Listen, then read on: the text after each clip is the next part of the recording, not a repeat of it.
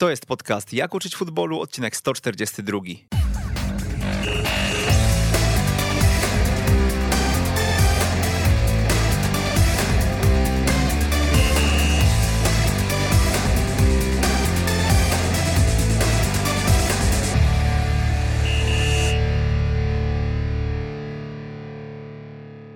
Jak uczyć futbolu 142 przy mikrofonie Przemysław Mamczak, witam serdecznie. Mój dzisiejszy gość e, jest Wam bardzo dobrze znany, szczególnie po tym miesiącu spędzonym e, przed telewizorem, e, przed telewizorem, przed kanałem TVP Sport, czy przed kanałem sportowym, bo był tu i tam ekspertem.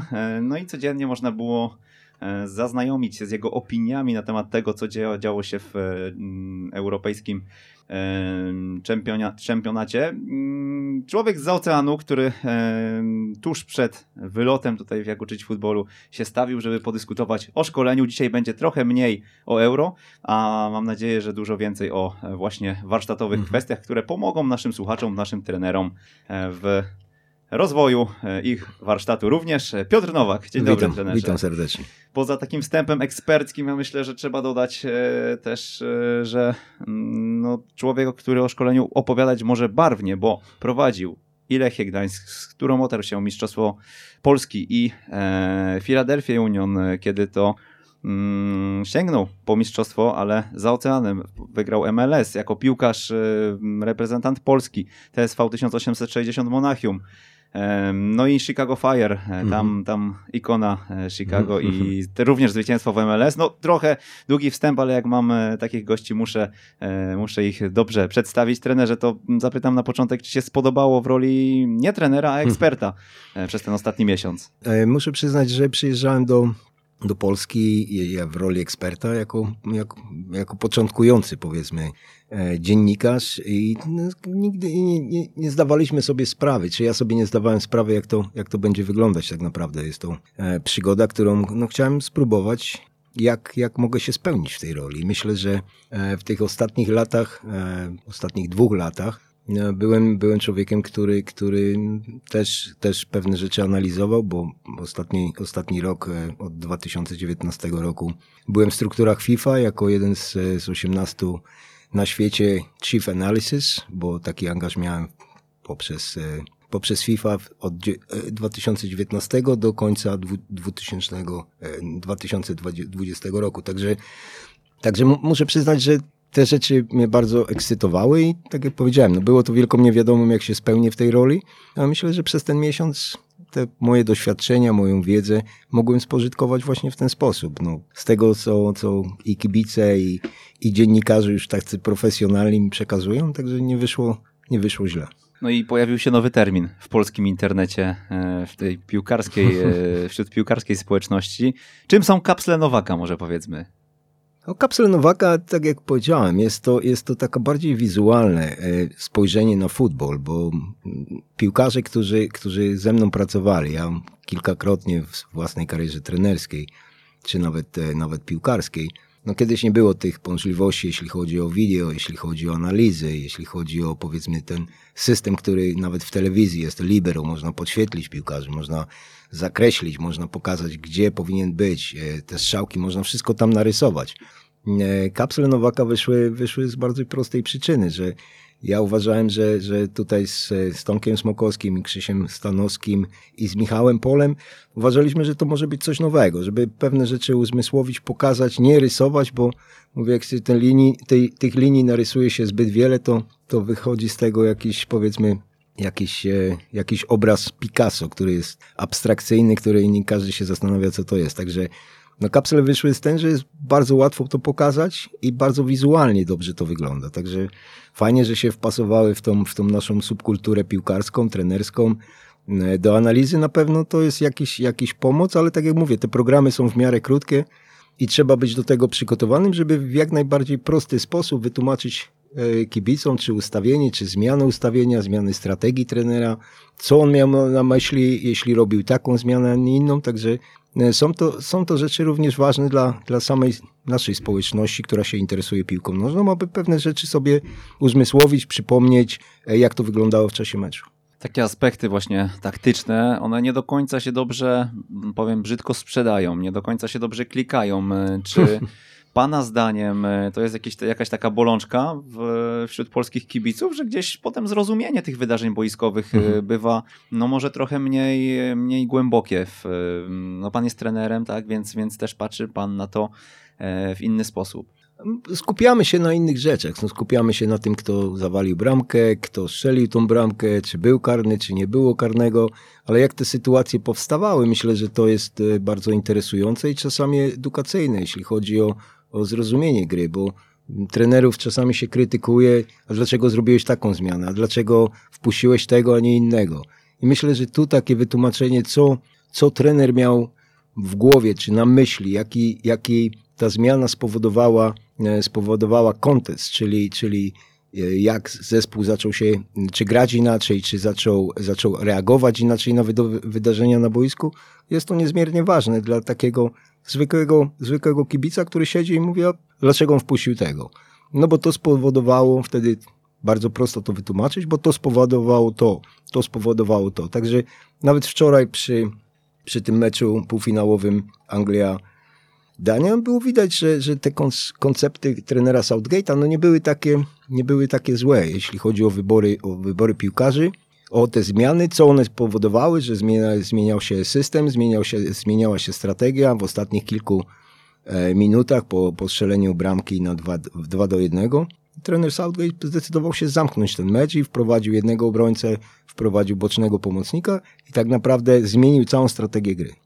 Mhm. Czy w, gdyby porównać Polskę i e, USA, mm, widzi Pan różnicę w przekazie telewizyjnym? No, miał Pan teraz e, opcję prześledzić to od środka. E, natomiast no, tutaj trzeba zaznaczyć, że w Ameryce mm, soccer nie jest tak popularny jak pewnie NBA mhm. czy futbol amerykański, tak? No ja myślę, że mm, nawet biorąc pod uwagę ostatnie Mistrzostwa Świata, no, ta sytuacja się zmieniła o tyle, że no, że mamy pandemię, że te pewne obostrzenia, restrykcje e, nie są, nie są, są na tyle uciążliwe, że nie można mieć powiedzmy studio już przed stadionem, na stadionie. Jest, jest, to, jest, to, jest to troszkę inaczej, no ale tak jak mówię, taką mamy sytuację, a nie inną. Ale jeśli chodzi o technikę, jeśli chodzi o powiedzmy technologie wszystkie, jest, jest bardzo podobnie jak nie lepiej. Mhm, ale przekaz, jeśli chodzi właśnie o te zagadnienia taktyczne, mm, jakieś analizy trenerskie, takie bardziej myślę tutaj o e, kontencie dla, mhm. dla trenerów.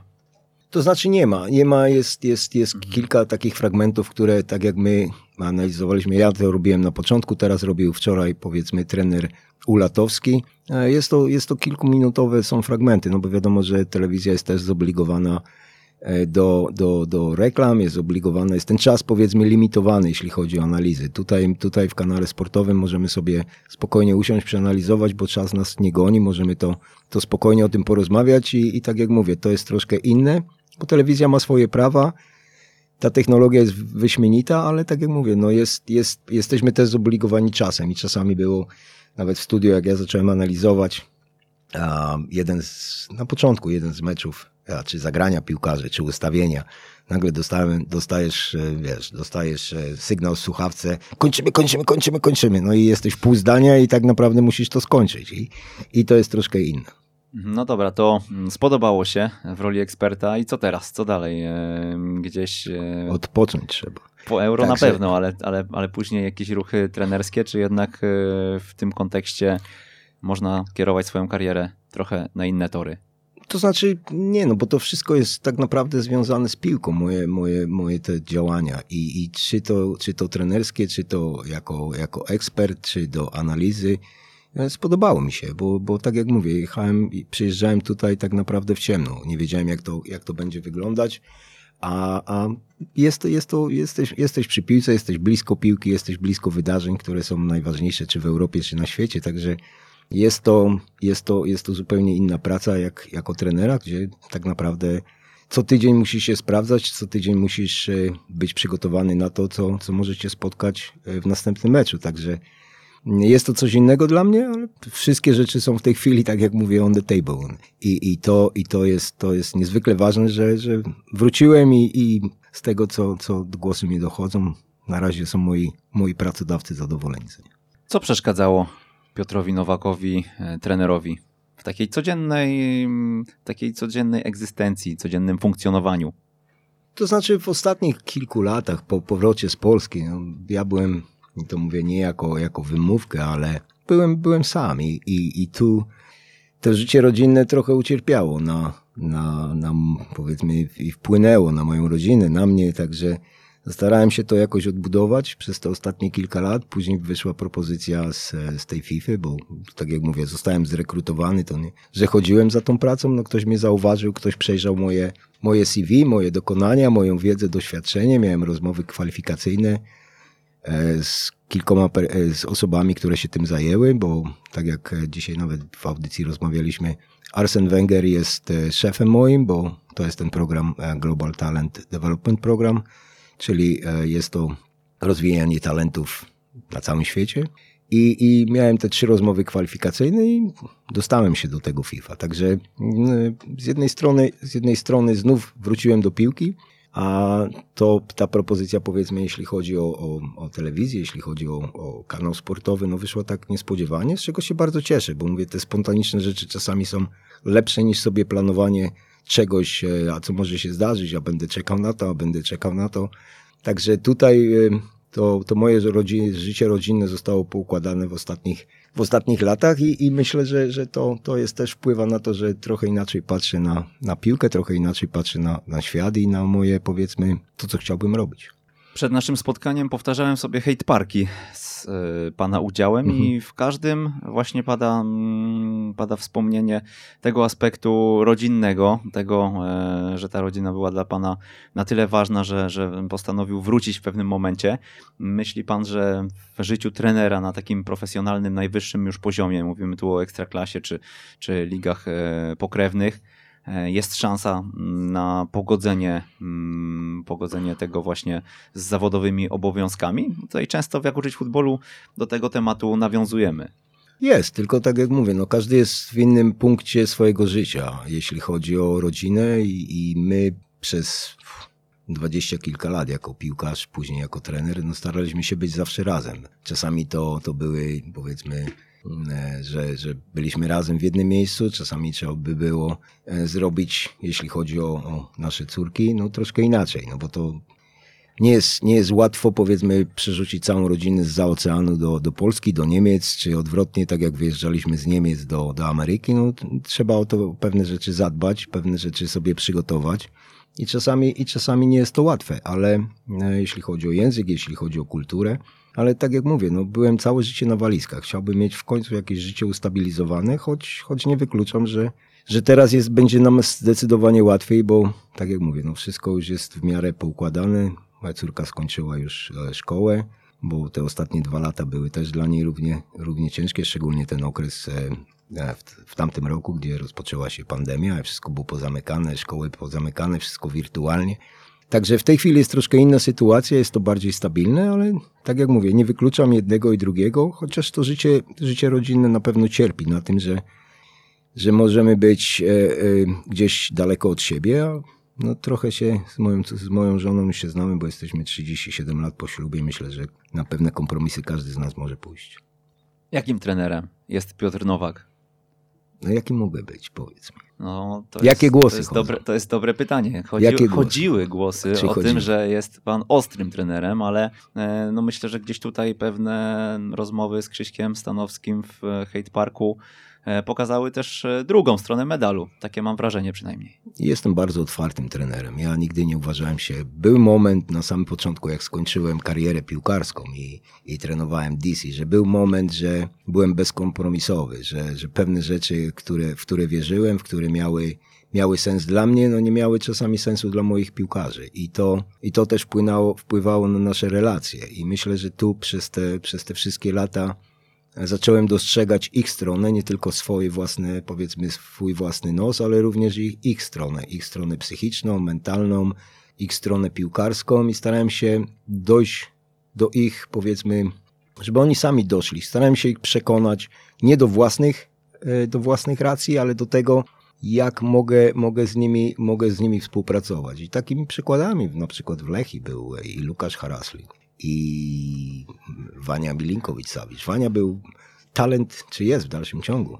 Wania miał talent niesamowity, ale ja nie lubię tracić czasu na piłkarzy, którzy sami o siebie nie dbają, którzy nie widzą swojego potencjału i starają się, powiedzmy, może nie zminimalizować, ale, ale nie, nie wyciągnąć swojego potencjału od siebie. No to musi wyjść od nich. I ja starałem się ich przekonać do tego, że skoro masz taki talent, to go nie marnuj. Bo wielu piłkarzy mieliśmy na całym świecie, w naszej ekstraklasie i w Niemczech. Było piłkarzy mnóstwo, którzy właśnie przez takie podejście do zawodu ten talent marnowali. I nawet z Wanią rozmawiałem, kiedyś przyszedł, to, to też śmieszna sytuacja była, przyszedł, zapomniał rękawic. Bramkarz. Nie? Buty rozwiązane, wyszedł na trening bez rękawic. Ja usiadłem z nim po, po treningu i mówię, Wania, słuchaj, ty sobie nawet nie wyobrażasz, jaki, jaki możesz być wspaniałym bramkarzem. Tylko musisz tego chcieć. No ja za ciebie tego nie będę, nie będę robił, nie będę tego chciał, bo ja już miałem swoje pięć minut, wszystko zależy od ciebie. I tak samo podchodziłem do wielu, wielu innych e, piłkarzy. I Wania mówi, trenerze, no ale co mam zrobić? Ja mówię, ty mi powiedz, co mam zrobić. No ja nie będę wchodził w twoje buty, ty powinieneś sam do tego dojrzeć, mimo że jesteś młodym piłkarzem, powinieneś dojrzeć do tego, żebyś wiedzieć, co ty chcesz osiągnąć w tym życiu.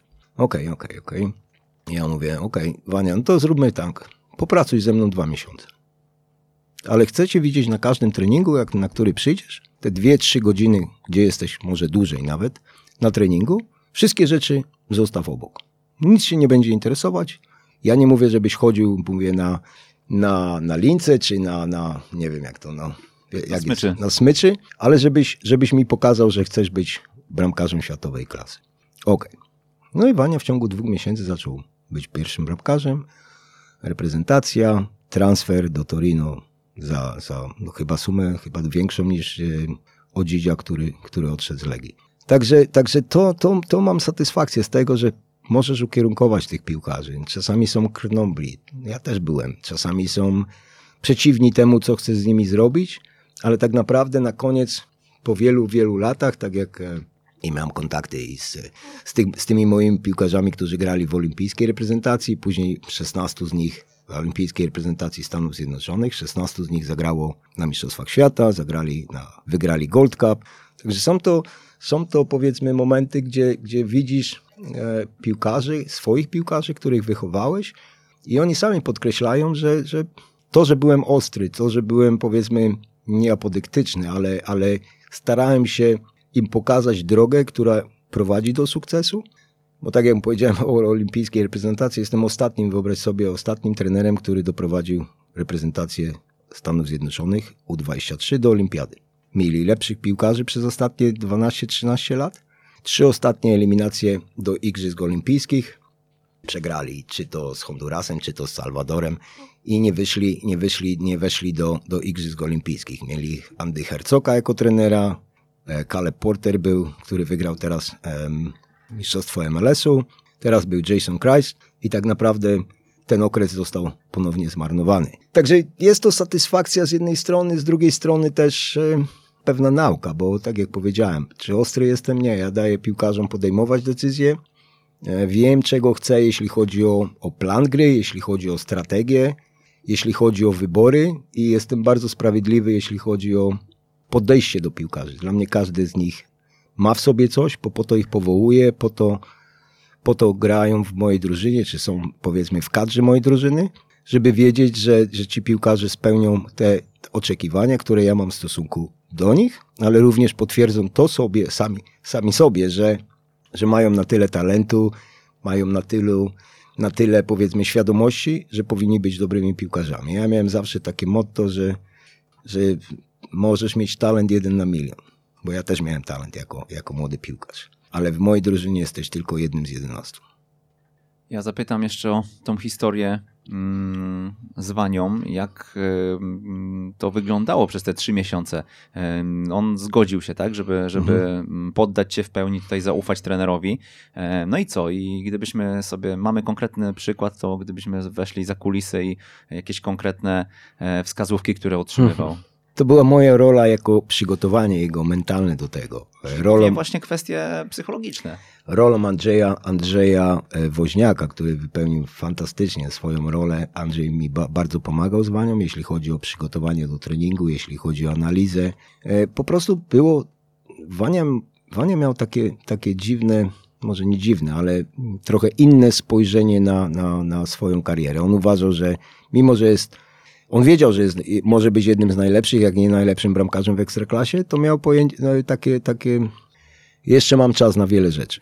Jeszcze mogę sobie, jeszcze mogę sobie, e, moim zadaniem było powiedzieć mu, Wania, dzisiaj masz 19 lat, 20, ale ten czas będzie uciekał coraz szybciej. I każda minuta, każdy trening zmarnowany przez twoje, powiedzmy, podejście do tego treningu może ci zaszkodzić, jeśli chodzi o pewnym momencie dojdziesz do, do tego, że już masz 26, 27, 28 lat i co wtedy? I to teraz patrząc nawet y, przez jego karierę, przez pryzmat jego kariery, gdzie on jest i, i gra, myślę, że Wania wrócił do tego, co ja miałem z nim na samym początku. Czyli, że ten czas mimo wszystko on myśli, że działa na jego korzyść, ja uważam, że na, nie, na, na jego niekorzyść. No musi gdzieś grać, musi się pokazywać, musi być musi być e, częścią zespołu. Wania nie może być tylko dla Wani, a takie, takie przekonanie go, że Wania nie może być tylko dla Wani. Wania był na ławce, kiedyś e, graliśmy mecz przed samym jego odejściem do, do Torino, gdzie on dostał czerwoną kartkę będąc na, na ławce. I ja, ja nie miałem do niego żadnych pretensji o to, bo widać było, jak on jest z tym zespołem związany. Obojętnie, czy już odchodził, czy nie, ale widać było, że że jest tym zespołem na dobre i złe. I to, to, było, to było dla mnie takie symptomatyczne, że coś w niego tknąłem takiego, że czuję się e, częścią zespołu. Takimi, którzy mi bardzo też pomagali w samym zespole i z nim był Miloš Krasic i Mario Malocza, bo oni mieli taki bezpośredni wpływ już poza boiskiem, poza, e, poza wszystkimi tymi rzeczami. Wania był, Wania kupił psa, odchodził do, do Torino i on kupił sobie małego małego bulldoga. Ja mówię, Wania, no ale jak to sobie wyobrażasz? No przecież za dwa miesiące odchodzisz. Mówię, co z tym psem zrobisz? No i on zaczął, no tak, trenerze, no ale taki ładny pies. No ja mówię, no ale dobra, no ale weźmiesz go ze sobą?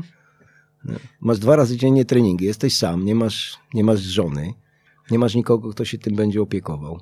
I on tak, no tak, ale ten pies taki ładny jest, wiesz, masz mi go było szkoda. No i, i takie są to historie, bo to mówię nie tylko boiskowe historie, ale musisz wziąć pod, pod uwagę pod uwagę to, jak oni, oni na pewne rzeczy reagują. I, I, fajna historia była w Stanach Zjednoczonych teraz Marcus Beasley, z którym grałem już w, od 2000, 2000 roku w Chicago Fire. Później był moim podopiecznym, jak z Bobem trenowaliśmy pierwszą reprezentację. Był w miarę młodym piłkarzem, bo miał 24-25 lat. I byliśmy na meczu e, w Szwajcarii, grając z drużyną narodową e, Stanów Zjednoczonych. I mieliśmy ciężki okres, bo mimo, że wygraliśmy Gold Cup, e, mieliśmy taki ciężki okres, znaczy ciężki, no nie było to kryzysu, ale mieliśmy różne takie wyniki. Remis, tu przegrana, tu remis. I takie zaczęły się głosy pojawiać o, że to już nasz apogeum jest, że mój Boba i tak dalej, że Klinsman, Klinsman, Klinsman, Klinsman i ciągle się to gdzieś przewijało. I my polecieliśmy do, do tej Szwajcarii zagrać ten mecz. Nie wyobraź sobie, że siedzę w lobby przed samym meczem. Trzy godziny, trzy godziny na cztery były do meczu. I siedzę w lobby i przychodzi Markus, de Marcus Beasley, przychodzi Eddie Johnson i ktoś jeszcze z nimi poszedł. Poszli sobie kupić zegarki. Jeden kupił sobie Cartiera za 70 koła, 70 tysięcy dolarów, drugi tam jakiegoś Patka, czy Piketsa, czy obojętnie w każdym razie bardzo drogie zegarki. A ja, ja jest, mam hobby, jeśli chodzi o zegarki, więc się na nich znam. Jak oni tylko weszli do tego, do tego lobby, zauważyli mnie, no to oczywiście chcieli się pochwalić tym. No i Mark, de Marcus podszedł do mnie, mówię, co tam, no, trenerze Cartier złoty, tego, tam, tu, tego. Ja mówię, wiem, no widzę właśnie, nie? Tylko mi powiedz jedną rzecz, de Marcus. Ty zdajesz sobie sprawę, jaka jest sytuacja, jeśli chodzi o nasz zespół. No przegraliśmy tu, tu zremisowaliśmy tam. To jest bardzo ważny mecz, bo ten mecz może zdecydować, czy my z Bobem w dalszym ciągu będziemy z wami pracować. Mówi, jak to trenerze? Ja mówię, no ale jako trener, czy wyobrażasz sobie, bo może skończysz, w pewnym momencie skończysz karierę, ale jako piłkarz, jako twój, mówię, bo my razem graliśmy, mówię, jako twój e, partner z boiska. wytłumacz mi jedną rzecz. Jak możesz przed meczem, 4 godziny przed meczem, wyjść na miasto i kupić sobie zegarek? Ja nie dbam, jaki to zegarek, ile on kosztował. Ja mówię, I don't give a shit. Okay? Ale wytłumacz mi, jak, jak, ty, jak ty do tego podchodzisz. O, tego, Peter, co ty chcesz? Tego, znowu zaczynasz. Te, tego, po co takie gadki tego? I teraz, mój drogi, jak skończył karierę DeMarcus, on przypomniał tą historię, ona jest gdzieś na Twitterze, że ja mu zwróciłem uwagę, gdzie on był bardzo niepocieszony tym faktem, że ja mu zwróciłem uwagę. I sam DeMarcus, opowiadając tą historię, mówi, że miałem rację, że on dopiero teraz zrozumiał i on to tłumaczył przez wiele ostatnich lat swojej kariery piłkarskiej tym wszystkim młodym chłopakom, że skoro jest mecz, to musisz całą uwagę poświęcić temu, żeby ten mecz wygrać. My ten mecz wygraliśmy, co prawda w Szwajcarii to był bardzo ważny mecz, ale go wygraliśmy. Ale on dopiero po kilku, po 10 latach, 15 latach, dopiero doszedł do tego, co ja miałem tak naprawdę na myśli. Że to nie chodziło o to, że czy ma drogi zegarek, czy nie, bo Eddie Johnson pojechał do LA do Snoop Doga i kupił w jakiejś, od jakiegoś jubilera kupił grill, łańcuch i bransoletkę za 180 tysięcy. Także to, to mają, Eddie miał małe dziecko i też ja mu tłumaczyłem, Eddie, weź ten grill, oddaj to, niech ci zapłacą z powrotem i włóż na jakiś fundusz swojej córki. On miał małą córkę, dwa lata. Bo on wiecznie w piłkę nie będziesz grał. No, ale wiesz, trener, wiesz, przyjdzie, pójdzie, whatever, nie? To będziemy mieć fajną, fajną będę miał ten. Ja mówię, no ale po co? Zbawi cię to? Nie masz innych, nie masz innych e, celów w życiu? I każdemu musisz dać coś do tego, żeby on zaczął sam siebie odkrywać. Ja myślę, że to jest zwykłą rolą trenera, żeby oni doszli do tego. Dlaczego tak mówię? Dlatego, że ja ze swojego doświadczenia większość, większość rzeczy, które, które starałem się robić jako trener, brałem ze swojego doświadczenia. Jeśli chodzi o właśnie, może nie takie sprawy finansowe, ale jak dojść do siebie, żeby na nowo odkryć siebie. To znaczy, ja byłem, w, ja byłem w, jak w Szwajcarii byłem i tego trenera ja to wielokrotnie podkreślałem. On nie był wielkim taktykiem trener, był przecudownym facetem, gentlemanem i przez 4-5 miesięcy zawsze mi chodził i powtarzał co poniedziałek. Peter, co chciałbyś robić, co... Ja mówię, znowuż mi zawraca tyłek. Mówię, chcę się wykąpać, jechać do domu. I tak wiedziałem, że jestem jednym z najlepszych i tak wiedziałem, że mam talent. Ale on mówi, no ale co, nie chciałbyś grać w Bundeslidze? No przecież masz, masz takie predyspozycje. On nie mówił talent, tylko że mam predyspozycję, czyli mam jakąś, jakieś, jakieś powiedzmy takie ukryte rzeczy. Coś, co można rozwijać. Tak? Coś, co można rozwijać. I ja się zacząłem, powiem ci, że tak po 4, 5 miesiącach zacząłem się zastanawiać. Sam odkrywałem siebie na nowo, powiedziałem, shit, no kurczę, no już mam tyle lat, tak wiele mi tak naprawdę nie zostało, to może jednak spróbuję. I tak z tygodnia na tydzień próbujesz coraz więcej, odkrywasz się coraz więcej, do treningów się bardziej przykładasz, bo ja też nie byłem facetem, który lubił biegać, tak? Bez piłki szczególnie. Nie byłem facetem, który przyszedł na trening i był skoncentrowany na z kim gramy, a jak gramy, a jak oni grają, gdzie jest słaby punkt. My to po prostu wychodziłem na boisko i robiłem to, co uważałem za stosowne, co do czego miałem predyspozycję i starałem się grać najlepiej jak potrafię, ale to mimo, że chcę, że starasz się, ale czasami to po prostu nie, nie idzie tym, tym torem, jakim, jakim powinno iść. I to zacząłem się, jak powiedziałem, coś, coś kliknęło w tych, tych wszystkich moich e, przemyśleniach i od tego momentu, ale to już miałem 28-29 lat, Ale co było takim triggerem właśnie, bo to, to, też, to też padało w e, Hate Parku mhm. E, i ja tak się zastanawiam, od 15 minut rozmawiamy o podejściu, o nastawieniu, o tych rzeczach właśnie mentalnych e, i co najśmieszniejsze. Chciałem, zdo dzisiaj... chciałem zdobyć jak najwięcej mogę. Wszystko. Mhm. Piłkarza roku, piłkarza miesiąca, piłkarza treningu, najlepszego zawodnika, puchary, z, mecze reprezentacji, wszystko co było związane z sukcesem. Bo ja uważam też jako trener i to, i to w DC United, najpierw jako, jako piłkarz w Chicago Fire, wcześniej jeszcze powiedzmy od Bundesligi, od tego momentu, gdzie to wszystko zaczęło mi się układać w jedną całość w Szwajcarii, że, że to było tym kluczowym momentem do późniejszej mojej kariery, czy jako piłkarz, jako trener. Bo zacząłem grać na nowo w reprezentacji, zacząłem grać w Bundeslidze i to na przyzwoitym poziomie. Byłem przygotowany do tego, co co może być, co mnie, co mnie może spotkać, jeśli chodzi o no, wszystkie rzeczy. Poświęciłem się temu, to taką powiedzmy konkluzję z tego można, można wydobyć. Poświęciłem wszystko piłce nożnej. Wszystko. Moje całe życie koncentrowało się wyłącznie spać, grać, trenować. Wszystko. I, I to myślę wydaje, że nie było te priorytety w tej chwili, nawet patrząc na, no, na mój czas w ekstraklasie, że te priorytety naszych piłkarzy są trochę inne. Bo były momenty, gdzie moi piłkarze, trenerze, a ile będziemy trenować? Trenerze, a kiedy będziemy mieć wolne? Trenerze, a jak będzie mecz reprezentacji, to kiedy, ile pan da mam wolne? I teraz wszystko, co dotyczyło piłki nożnej, było gdzieś tam schowane pomiędzy ich, powiedzmy, rzeczy, które, które są związane z rodziną, z dziećmi, z zakupami, przelotami, urlopami i tak dalej. Także ja starałem się nawet w Lechi zrobić w ten sposób, że no musi się temu poświęcić. Jak nie chcesz się temu poświęcić, to, to nie jesteś mojej drużynie. I myślę, że to było takim, takim kluczowym momentem. Oczywiście, że to jest jakaś, jakaś e, może nie dysproporcja, ale no, poświęcenie czegoś takiego w takim stopniu też wymaga poświęcenia ze strony rodziny. I czasami to też dla piłkarzy nie jest łatwe, dla rodzin, dla dzieci, żebyś 24 godziny myślał o piłce. Ja to rozumiem, ale tak jak im powiedziałem, przyjeżdżając do, na pierwszy mój trening w Gdańsku,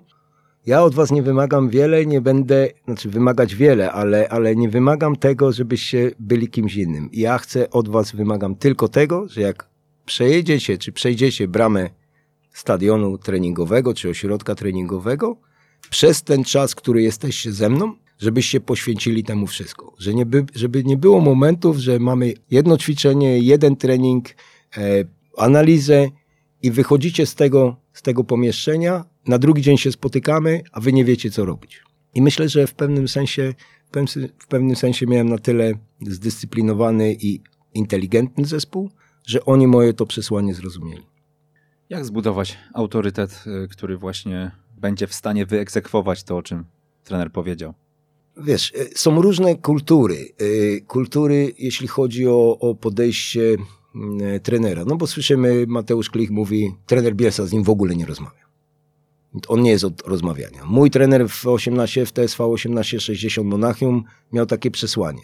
Nie jestem księdzem, żebyś mi się spowiadał, ani nie chcę z tobą rozmawiać tak? E, z drugiej strony mamy mojego trenera w Szwajcarii, który ze wszystkimi rozmawiał. O wszystkim.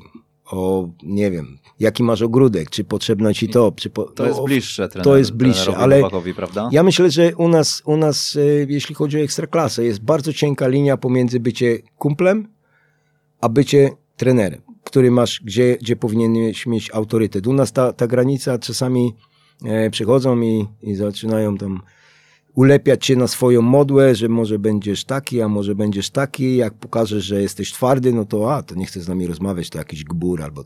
No, nie, w Ameryce wszyscy do trenerów, wszyscy piłkarze, tak jak do mnie powiedzmy trenera reprezentacji olimpijskiej, czy do, do Boba Bradley'a, wszyscy mówili po imieniu. Ale, ale nigdy, kultura ale nigdy nie było czegoś takiego, żebyśmy my, jako, jako trenerzy reprezentacji, mieli jakiekolwiek wychowawcze problemy z nimi. E, piłkarze, powiedzmy, gdzie mieliśmy zgrupowania i to na poważnych turniejach, byli, oni powiedzieli, że oni chcą tylko mieszkać w centrum, żeby było blisko kino, supermarket, żeby mogli wyjść do ludzi. Amerykanie potrzebują ludzi wokół. Oni nie mogą być odseparowani, tak jak my w tych 90 latach E, w reprezentacji, gdzie nas wywozili nie wiadomo gdzie i jeden las, wszystko, jakaś wioska i bo o, będziemy, będą, będą balangować, czy będą robić to, czy będą robić to. I to, to wpływa też na całą, na całą atmosferę, jeśli chodzi o podejście tych piłkarzy. Także ja starałem się wypośrodkować, wziąć te wszystkie kultury pomału, najpierw to obserwować. Mówię, jestem bardzo dobrym obserwatorem, jeśli chodzi o zachowanie piłkarzy, każdy najmniejszy szczegół, który jest, może wpłynąć na. No bo widzisz, kiedy piłkarz przychodzi, się wita z tobą, czy jest on zadowolony, czy nie jest zadowolony, jak się odzywa do ciebie, jaki ma, czy, czy ucieka oczami, czy, czy no stara się gdzieś schować, czy jest, no widzisz te pewne takie niuanse, które są w szatni, no ja byłem takim powiedzmy w 18-60, że ja miałem całą szatnię pod kontrolą, takie dostałem zadanie od trenera Loranta i nie na zasadzie takiej, żeby być szpiegiem trenera, tylko na zasadzie takiej, żeby scalać ten zespół. I takie samo zadanie miałem jako jako piłkarz w Chicago Fire. Takie samo zadanie miałem później już w reprezentacji, żebym był tym spoiwem. Żeby pewne rzeczy, które się dzieją w zespole, niedobre rzeczy, żeby to przeciąć momentalnie, bądź scalić ten zespół, żeby te grupy, które, czy grupki, które powstają w zespole, żeby miały realny wpływ na to, co się w tym zespole dzieje, żeby oni sami o tym decydowali. Ja ich mogę pewne rzeczy nauczyć, pokazać i tak dalej. No w Lechi był bardzo prosto. Milosz Krasic był od grupy, która była skupiona wokół niego, czyli tej bałkańskiej grupy. Do tego dochodził Marko i Flawy Pajszał. Po drugiej stronie byli Polacy. Sebastian Mila był moim kapitanem i, i wykonywał tą swoją rolę fantastycznie. Jeśli ktokolwiek z tych dwóch grup wyszedł poza tą barierę, powiedzmy, która powinna funkcjonować ze sobą, to wtedy miałem tylko ich dwóch. Ja nie potrzebowałem karać. Nie było zresztą regulaminów. Nie mieliśmy regulaminów, e, jeśli chodzi o kary.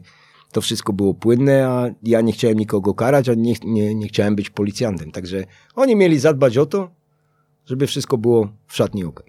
Skąd takie um, nastawienie, żeby dawać, podejmować decyzje, żeby być takim otwartym na te decyzje? No bo no, to nie jest polskie podejście, bym powiedział. Mhm. E, my jednak nas system kształtował trochę inaczej i kształtuje ciągle. Ale dlaczego, powiedz mi, Przemek? No myślę, że mm, jesteśmy raczej, mm, no, doświadczamy tego, że ktoś podejmuje decyzje, ktoś jest szefem i jest jakaś hierarchia, prawda? E, te nowoczesne trendy nauczania, wychowania dzieci, już nawet czy, e, czy, czy, czy trenowania też piłkarzy mówią o innym podejściu, o nastawieniu partnerskim, e, no ale my tego w szkole nie zaznaliśmy. Zawsze był ten nauczyciel, który stał z batem, który stał z batem, który zapraszał do tablicy, punktował naszą niewiedzę, tak? Mhm.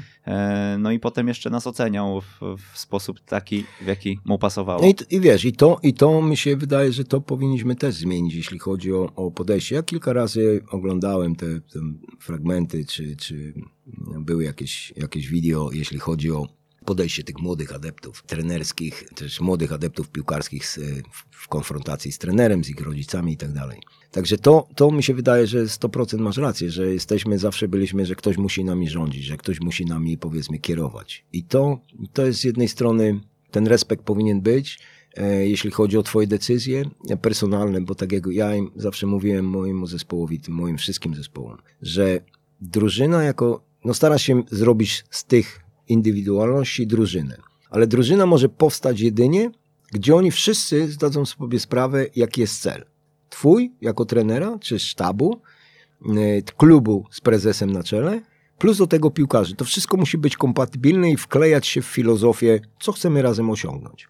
I, I tutaj wychodząc naprzeciw ich oczekiwaniom, tak jak mówię, nie na zasadzie marudzenia, bo u nas jest dużo marudzenia, tego klejenia, bo jeżeli oni nie dostaną informacji ode mnie jako od pierwszego trenera, trenerze ile będziemy biegać, a trenerze a jak długo będzie trening, no to nasi piłkarze idą do masażysty, bo masażysta już mniej więcej wie, jaki będzie plan. Jeżeli nie do masażysty, to idą do trenera od przygotowania fizycznego. Jeżeli nie tu, no to starają się gdzieś znaleźć jakieś informacje, które pozwolą im na to, żeby pewne rzeczy może nie odpuścić, ale, ale jak to powiedzieć, ale...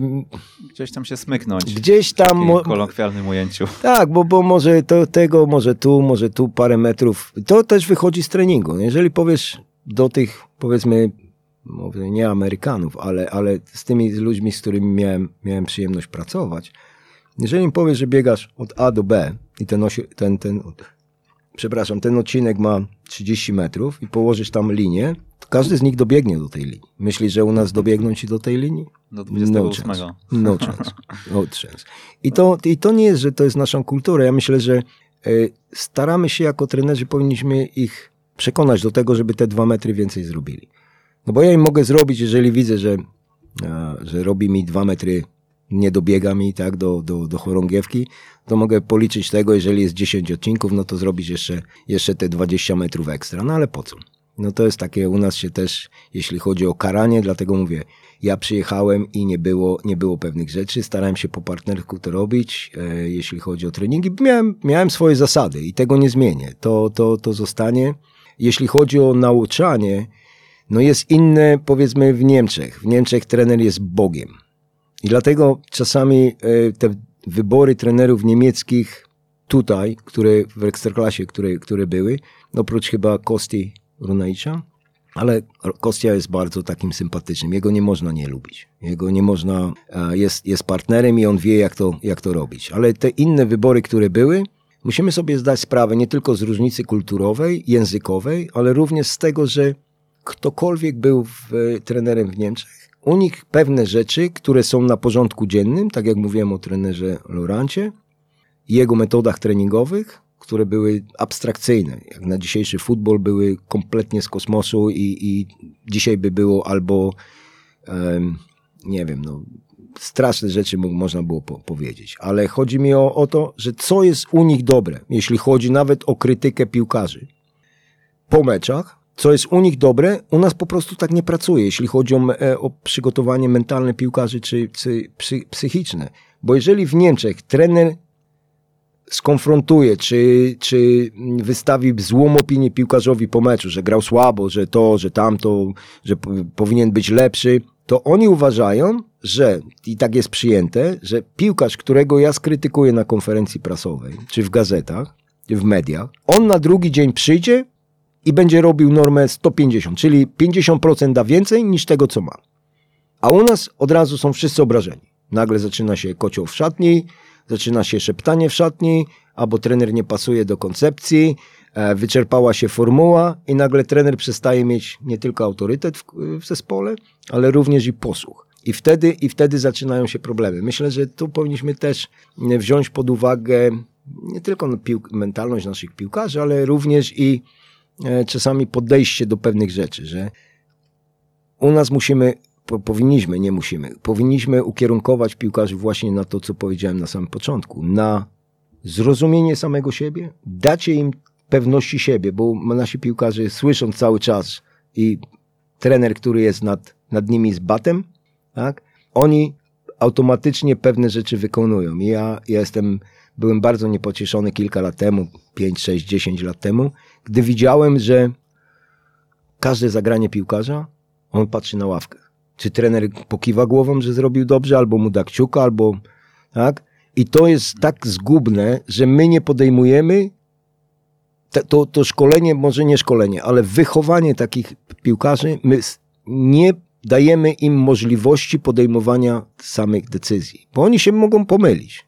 I ja miałem wiele takich, wiele takich długi wywiad, ja, wy, znaczy wywód, ale e, ja miałem kilkakrotnie, e, zaraz na początku sezonu 2016, jak przyjechałem, miałem kilkakrotnie uwagi ze strony kibiców, prezesów i tak dalej.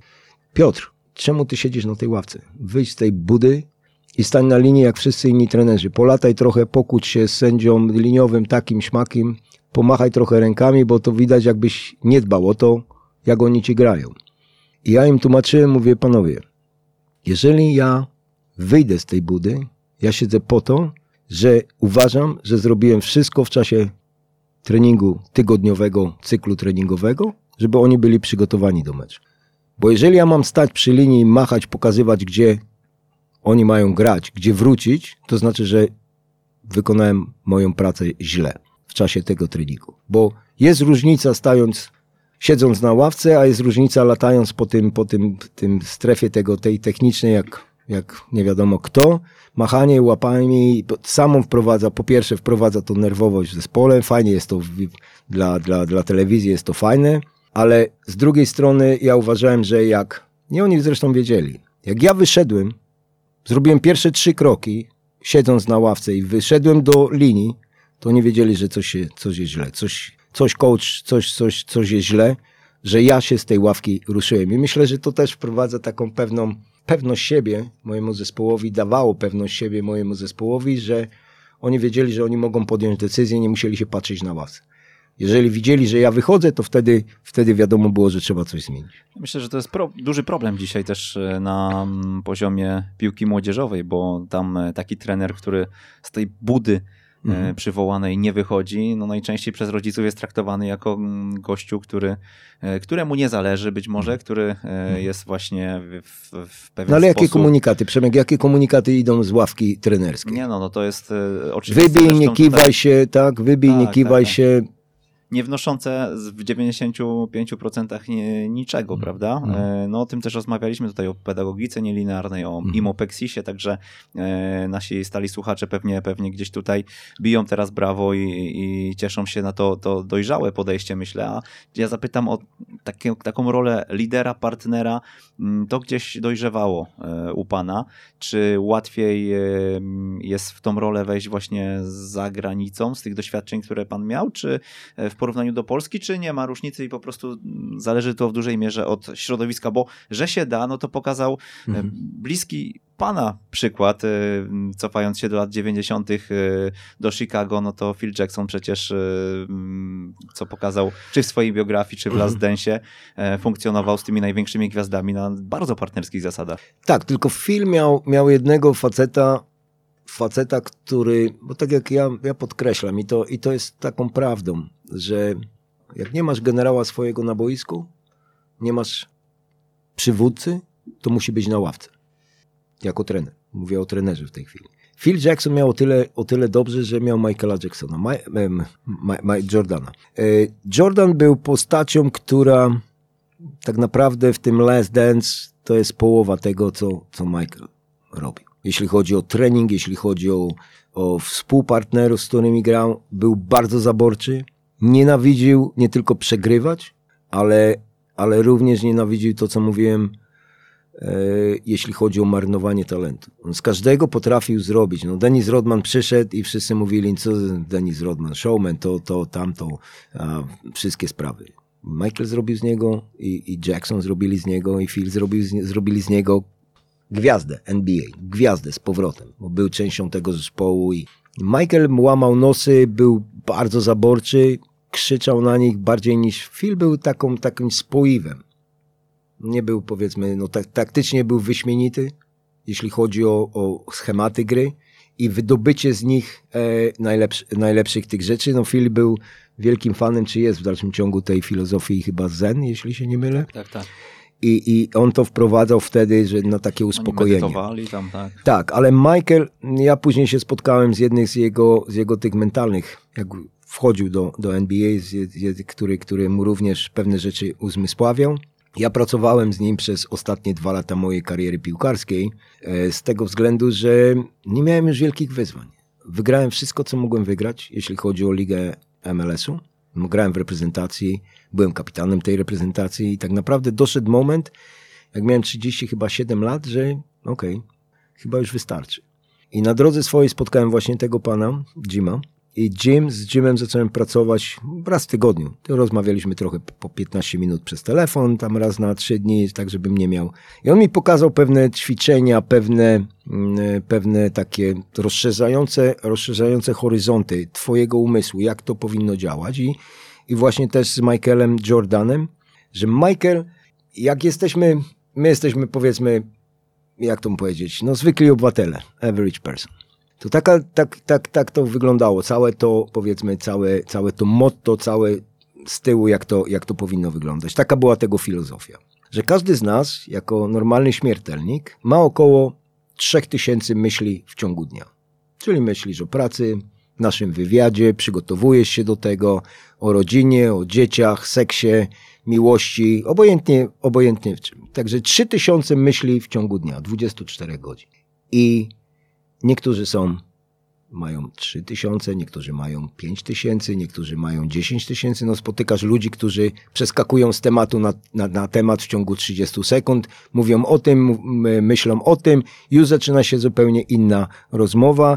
Jeśli chodzi o życie rodzinne, jest to samo. No muszę kupić chleb, muszę kupić e, jajka, masło i tak dalej. I tych myśli masz coraz więcej. Całą sztuką tych największych mistrzów od e, Tigera Woodsa, Michaela Jordana, kto tam jeszcze był w tej plejadzie? Tenisiści, golfiści, Tiger Woods. Oni jako, jako, jeżeli chcesz osiągnąć sukces, powinieneś mieć nie więcej niż półtora tysiąca tych myśli.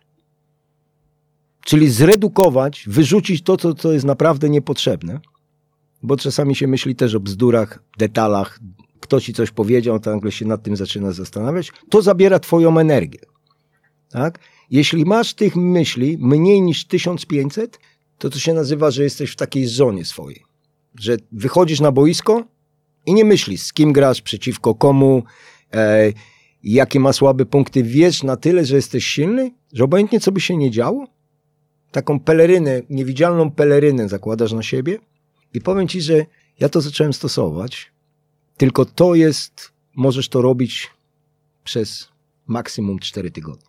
Później musisz zdać sobie sprawę, że będziesz miał lekki, pójdziesz w dół. Nie tak, że masz doła, ale jest to, jest to tak absorbujące, że w pewnym momencie, jak my graliśmy co lato, jest takie bardzo, bardzo mocne w, w, tej, w, w MLS-ie, że gra co 3 dni. Teraz oni też mają to. Bo są Gold Cup jest i później jest, e, my graliśmy kiedyś Copa America, no ale jest Gold Cup, później są rozgrywki i tak dalej. Liga, Liga Narodów teraz jest też. To był okres przez 4 tygodnie, że ja nie dbałem przeciwko komu gram, z kim gram, jak będzie to wyglądać, czy wygramy, czy przegramy. Strzeliłem chyba z 12 bramek, jeśli się nie mylę. Nie dbałem. I, i powiem ci, że, że rzeczywiście, i to właśnie w przypadku Michaela Jordana było, że oni znaleźli tą formułę raz do grania, znaleźli koszykarzy, Michael im to pokazał, nienawidził przegrywać. I nawet jak te gierki grali takie małe, trzech na trzech, dwóch na dwóch, jeden na jeden, to on im pokazał, że nawet najmniejsza gra jest tą częścią, która cię, która cię ulepia jako profesjonalistę, kształtuje jako, jako profesjonalistę, który nie pozwoli sobie przegrać meczu. Możesz przegrać mecz, jasne, że się wszystkim zdarza, ale mieć świadomość tego, że na końcu wyjdziesz i powiesz, trenerze, zrobiłem wszystko, co było do zrobienia, najlepiej jak potrafiłem. I wtedy trener nie ma do ciebie żadnych pretensji. I myślę, że to, e, to był takim momentem, że, że mówię, słuchaj, jak zacząłem ten program, ale na czym polegają dwa lata, ćwiczenia, gdybyśmy dwa lata, sobie jeszcze? No, wiesz, no to są już tajemnice takie, takie bardziej kuchenne, ale mówię, przez dwa lata zostałem, dwa lata ostatnie zostałem MVP, MVP e, zespołu, czyli miałem najlepsze dwa sezony, jakie mhm. miałem 38, 37, 38, 39 skończyłem. Także, także jest I to coś wszystko przez niemyślenie. To znaczy nie niemyślenie, źle mnie odbiera. Nie, no, żartuję, żartuję oczywiście. Chodziło o to, żeby, wiesz, żeby pewnymi Odło bzdurami, wyłączyć, wyłączyć bzdurami tego, które, nieistotne, tak. które cię naprawdę nie powinny zajmować, żeby nie tracić energii na jakieś mhm. bzdety, które, które ci naprawdę w niczym nie pomagają, a zabierają twoją energię wewnętrzną. Twój spokój zakłócają twój spokój psychiczny i, i są rzeczy, no bo jeżeli tak jak teraz, dam ci przykład, no moja żona dzwoni, jestem w Gdańsku, moja żona dzwoni, że kran się zepsuł. 10 tysięcy kilometrów jestem od niej ona mi mówi, że kran się zepsuł. Tak? No ja mam się tym teraz przejmować i wyjść na trening, wyjść na trening i powiedzieć, kurczę, nie mogę treningu zrobić, bo mi się kran zepsuł. No wiesz, takie to są prozaiczne rzeczy, ja sobie zdaję sprawę, mogą brzmieć śmiesznie, ale też masz piłkarzy, którzy przychodzą na trening, tak? Mają wszystkie, wszyscy telefony przy sobie i nagle coś się stało w szkole, szyba pękła, rowerek się tam zepsuł. I wiesz, no, kobiety są takie w miarę absorbujące, że, że pewne rzeczy takie małe, tak, no też. Się później, tak. I, i, i, i oni, oni się tym zajmują. Także ja starałem się, powiedzmy, jako już piłkarz, czy jako trener, pewne rzeczy tak robić, żeby się nie, nie interesowało mnie, czy, czy no, może nie, źle powiedziałem. Y, nie chciałem, nie chciałem, powiedzmy, doprowadzić do tego, że każdy szczegół jest ważny. No bo słyszymy teraz y, stoły okrągłe, stoły kwadratowe, czy kto dla mnie było ważne, żeby oni siedzieli razem. Razem. Jeden stół. Nie kwadratowe, okrągłe, tylko jeden stół dla wszystkich. I był moment taki, że no też tu, tu mnie czasami razi mnie to, że wszyscy mówią zawodnicy. Razi mnie to. I to mówię ci szczerze, to są piłkarze. Bo miałem kiedyś takiego trenera w dawnych, bardzo dawnych czasach, że który przychodził, witał się z czterema, z czterema moimi kolegami, którzy grali na poziomie ekstraklasy a reszta wszyscy to byli dla niego zawodnicy. Okay. No masz pięściarzy, masz kajakarzy, masz wioślarzy, no to jesteśmy piłkarzami, nie jesteśmy zawodnikami. Tak? Także myślę, że, że to też, też wpływało. Jak kiedyś byliśmy na, graliśmy z Górnikiem Zabrze taki mecz i przyjechaliśmy do hotelu i na tym wielkim stole na początku były wystawione, że wiesz, no rezerwacja i było napisane zawodnicy Lechia Gdańsk. No i kazałem im to zmienić. Kazałem im to zmienić, wydrukować na nowo, mają być piłkarze, nie zawodnicy. Także musimy mieć, mieć też, mówię, taką niepewność siebie, ale mieć, mieć świadomość, że jesteśmy coś warci. Jesteśmy coś warci, że my mamy, my jesteśmy powiedzmy nie tylko drużyną, ale tym również ludźmi, którzy, którzy przez, czasami dają dużo radości kibicom, czasami smutku, ale mówię, po to jesteśmy, to jest nasz zawód i powinniśmy go wykonywać jak najlepiej. Trenerze, czy wiesz, że każdego miesiąca w ramach Szkoły Trenerów Online spotykamy się na szkoleniach online z trenerami, których słyszysz w jak uczyć futbolu? Najciekawsi goście z największą wiedzą do przekazania przekazują ją regularnie. E, przekazują ją e, w formie wykładów, w formie warsztatów, e, a osoby uczestniczące w szkoleniach otrzymują też prace domowe do realizacji na kolejne dni. 10 godzin szkolenia, dostęp do niego przez kolejne 14 dni. Jeżeli chcesz poznać szczegóły, zapraszamy na ekstratrener.pl ukośnik STO. Myślę, że tutaj osoby, które nas słuchają, na pewno zainteresowały się tym tematem odpuszczania myśli. E, jesteśmy w stanie jakiś, jakiś tam mały zalążek wyciągnąć, e, co można zrobić, żeby to ograniczyć. E, jakieś ćwiczenie może, nie wiem.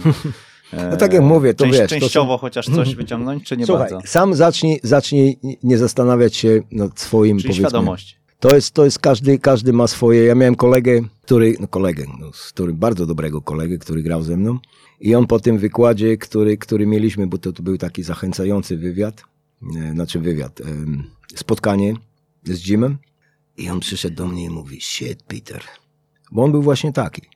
W ciągu godziny przygotowującej nas do treningu potrafił nie mówić przez maksymalnie 10 sekund. No cały czas rozmawiał. I o wszystkim. Polityka, to, to, to. Przeskakiwał z, z pieluch do, powiedzmy, wtedy był co, Bill Clinton, tak? Przeskakiwał z jednego tematu na drugi. I on przyszedł po, tych, po tym, po tym naszym wykładzie tego Jima on przyszedł i mówi do mnie, Peter, shit, man, ja to chyba mam z 15 tysięcy myśli w ciągu dnia. Nie? Ja mówię, no wiesz, tak to, tak to czasami jest. Także to wszystko zależy od nas, od nas samych siedzi powiedzmy to, jak, jak wydobędziemy z siebie te, nie tylko te naj, naj, naj, najlepsze wartości, bo ty jako dziennikarz też się musisz do pewnych rzeczy przygotować, wiesz jak to wygląda, i, i, i, ale mówię te rzeczy takie prozaiczne, o których czasami nawet się e, nie zastanawiamy, e, wpływają też na to, jak, jak to wszystko postrzegamy. My nie mamy czasu analizować pewnych rzeczy, przynajmniej jako trenerzy, bo trenerzy się zajmują też dużymi rzeczami. Ja mówiłem do, moich, do, moich, do mojego sztabu, mówiłem tak, no ja jestem jak trenerem, ale nie mogę być omnibusem, bo ja się nie znam. Nie, u nas jest duży problem, jeśli chodzi o to powiedzieć nie wiem. Ja uważam. Jak kogoś się zapytać i ktoś powie nie wiem, to od razu wszyscy wow, wow, wow, wow, jak nie wiesz?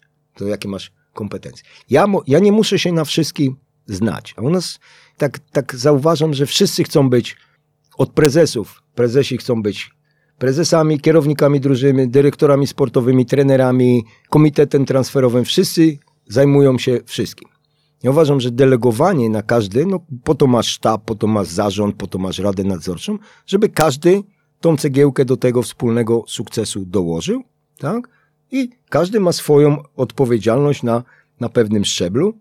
I ty to możesz koordynować, możesz im pomagać, możesz z nimi rozmawiać, możesz ich e, dokształcać, ale też oni muszą się edukować. Ja sobie nie wyobrażam mieć, a, mieć asystenta, który by przyszedł i mówił, coach, co robimy dzisiaj, nie? Nie wyobrażam sobie. Także pewne rzeczy muszą być po, poukładane, a tak jak mówię, to partnerstwo nie tylko pomiędzy sztabem, zarządem, radą nadzorczą, czy powiedzmy tym szefostwem klubu, ale również z piłkarzami, no musi być to nie tylko na partnerskich y, na relacjach, ale również na tym, żeby mieć ten autorytet, ten balans musi gdzieś być zachowany. Powiedział pan, że e, ma takie swoje sztywne zasady.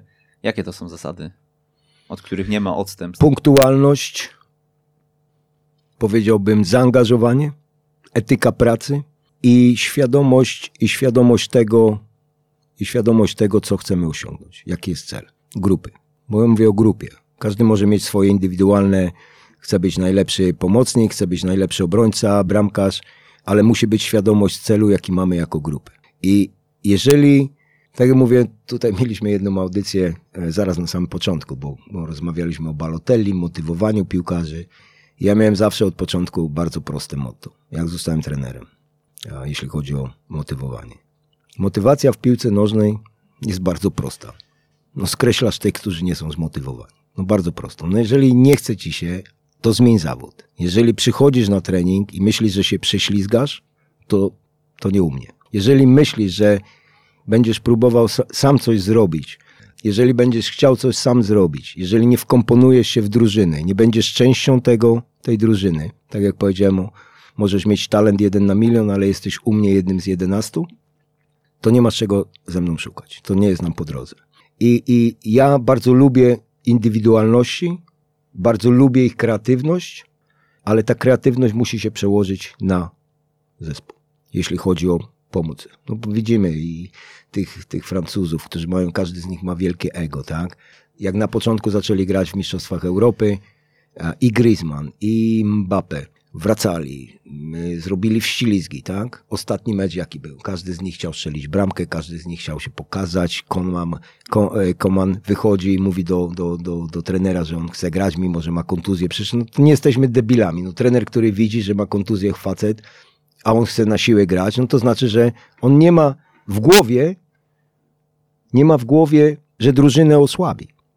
No bo on oczywiście e, racjonalnie osłabia tą drużynę, grając z kontuzją. On sobie nie zdaje sprawy, jak to może wpłynąć na karierę trenera, do którego można mieć pretensje trenerze. No ale chwila, no przecież on grał z kontuzją. Jak pan do tego, jak, jak pan na to pozwolił, jak pan do tego dopuścił? Także piłkarze mają swoje, swoje interesy, powiedzmy, czy nowy kontrakt, czy nowy, powiedzmy, wyjazd za granicę, ale oni wszyscy, cała ta, ta pojedyncze struktury muszą się wpisywać w tą filozofię, bo ja zawsze im powtarzałem, każdemu mojemu zespołowi, że sukces, sukces jest jak wielki tort. Chodzi o to, żeby stworzyć grupę piłkarzy, grupę ludzi, którzy mają wspólny ten tort do ugryzienia i przy zwycięstwie, przy sukcesie każdy z was dostanie kawałek tego tortu. Ale ja jako trener nigdy nie widzisz, że e, przy sukcesie, mistrzostwie Polski, E, Liga Mistrzów, e, Puchar Europy, Mistrzostwa Europy, Mistrzostwa Świata, żeby jakikolwiek trener podnosił puchar. Widziałeś kiedyś, żeby trener podnosił puchar? Podnoszą go piłkarze. I musisz zrobić wszystko jako trener, wszystko, żeby taką grupę stworzyć, która na koniec podniesie ten puchar. Ja nawet też, jak zdobyłem Mistrzostwo Ameryki, to też poszedłem do, poszedłem do szatni stanąłem tam sobie z bokowca i, i niech świętują. No. Takie, jest, takie jest rola trenera i uważam, że moją rolą jest również to, żeby dać im tą nadzieję na ten sukces, pokazać im drogę do tego sukcesu. Czasami, czasami ten sukces nie, nie, nie, powiedzmy, te oczekiwania czasami są żudne, mogą być i ten sukces nie przyjdzie.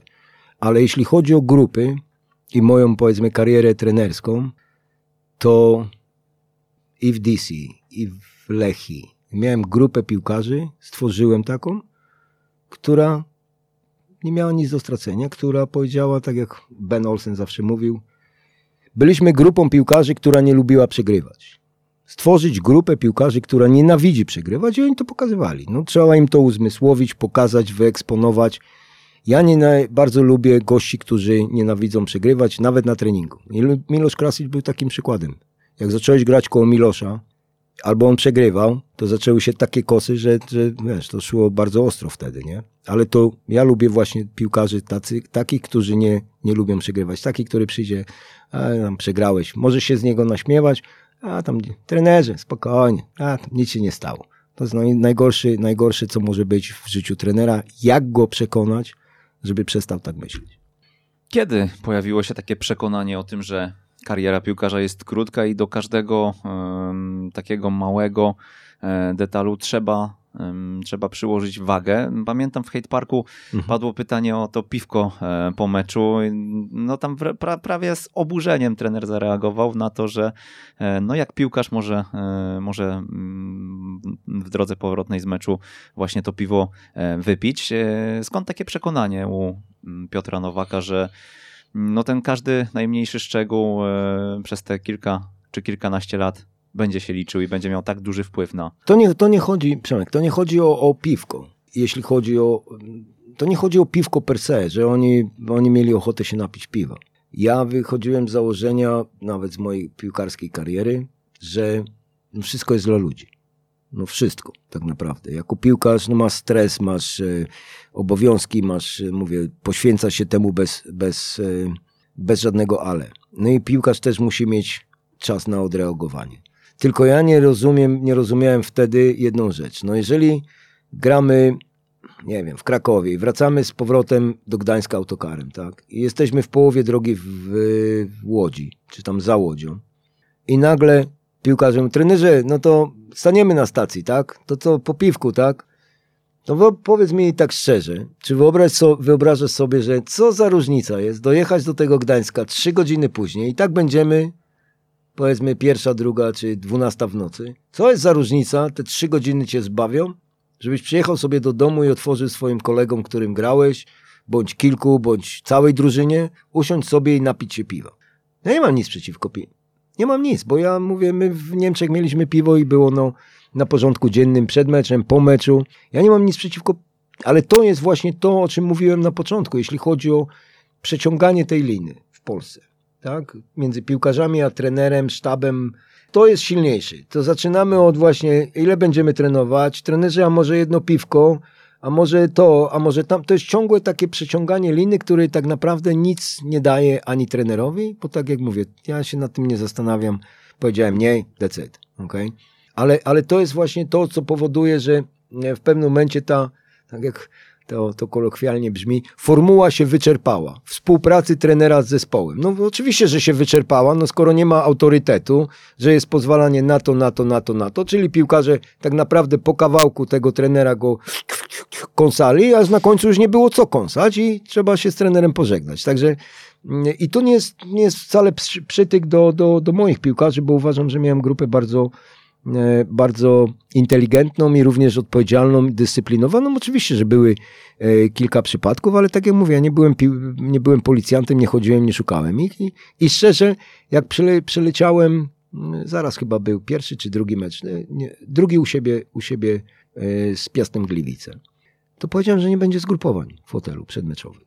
No to mi się wydaje, że ci prezesi to patrzyli na mnie jak na jakiegoś, nie wiem, kosmitę, obaj, z, obaj nie spadli z krzesła, jak im to powiedziałem, że nie chcę mieć żadnych zgrupowań przedmeczowych. No ale trenerzy, no jak? No pójdą na imprezę. Trenerzy, no ale, ale co to będzie? No jak?